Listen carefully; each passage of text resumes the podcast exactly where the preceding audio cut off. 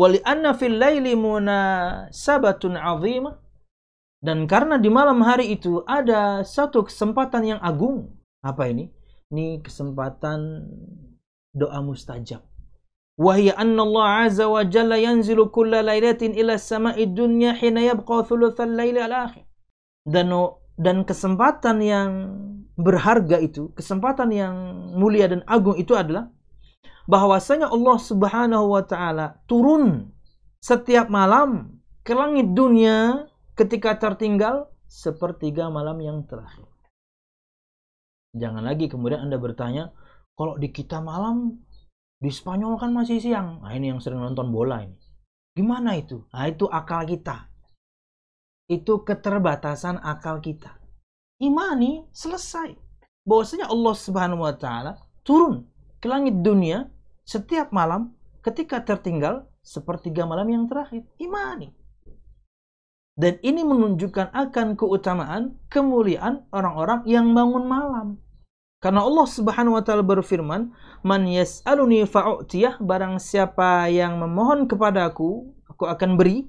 Waman yad'uni fa'astajibulah yang berdoa kepadaku, aku akan jawab untuknya. Waman yastaghfirani fa'aghfirulahu. Dan barang siapa yang minta ampun kepadaku, aku ampuni untuknya. Ini di antara dalil yang menunjukkan sebuah bantahan ketika ada orang yang mengatakan bahwasanya yang turun itu rahmatnya.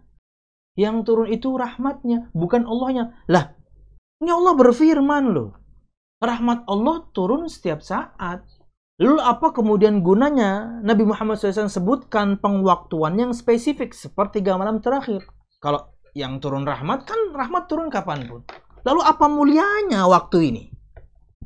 Karena ia waktu yang mulia lah. Karena itu keutamaan untuk orang yang bangun malam lah. Maka betul-betul yang turun Allah. Siapa yang bangun malam dan tahajud nih? Itu bedanya. Dan ahlu sunnah sel, yani selalu yani menyebutkan berkaitan dengan ini asma dan sifat Allah Subhanahu wa taala dengan prinsip yang jelas. Kita tetapkan apa yang Allah tetapkan dalam firman-Nya atau Nabi Muhammad dalam sabdanya. Kita nafikan apa yang Allah nafikan dalam kitabnya atau Nabi Muhammad dalam sabdanya. Berkaitan dengan yang tidak Allah sebutkan di firman dan sabda, entah penetapan dan penafian atau Nabi Muhammad dalam sabdanya entah penetapan atau penafian, maka kita tawakuf, berdiam diri dalam maknanya. Tapi kalau kemudian ditanya lebih detail, maka kita akan sebutkan detail. Di sini menerangkan akan sifat turun dan betul-betul Allah turun. Maknanya ada di benak kita yang nah makna turun itu semua kita faham. Bagaimananya Allah Subhanahu wa taala turun, maka majul untuk kita.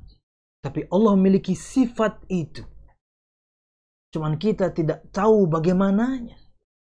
Sifat turunnya pasti ada. Karena ketika kita berbicara sifat Allah, kita membicarakan Allahnya. Kan sifat nempel. Jika kita membicarakan sifat Allah, kita membicarakan Allahnya. Maka tidak perlu kemudian ditakwil. Imani, yakini, turun sifat turun yang sesuai dengan keagungan Allah Subhanahu wa taala. Allah Subhanahu wa taala memiliki kaifiyah untuk turun ke langit dunia. Tapi kita tidak tahu bagaimananya yakni eh, sifat Allah Subhanahu wa taala turun itu. Kita tetapkan di satu sisi dan kita serahkan di sisi yang lain. Wallahu a'lam bissawab.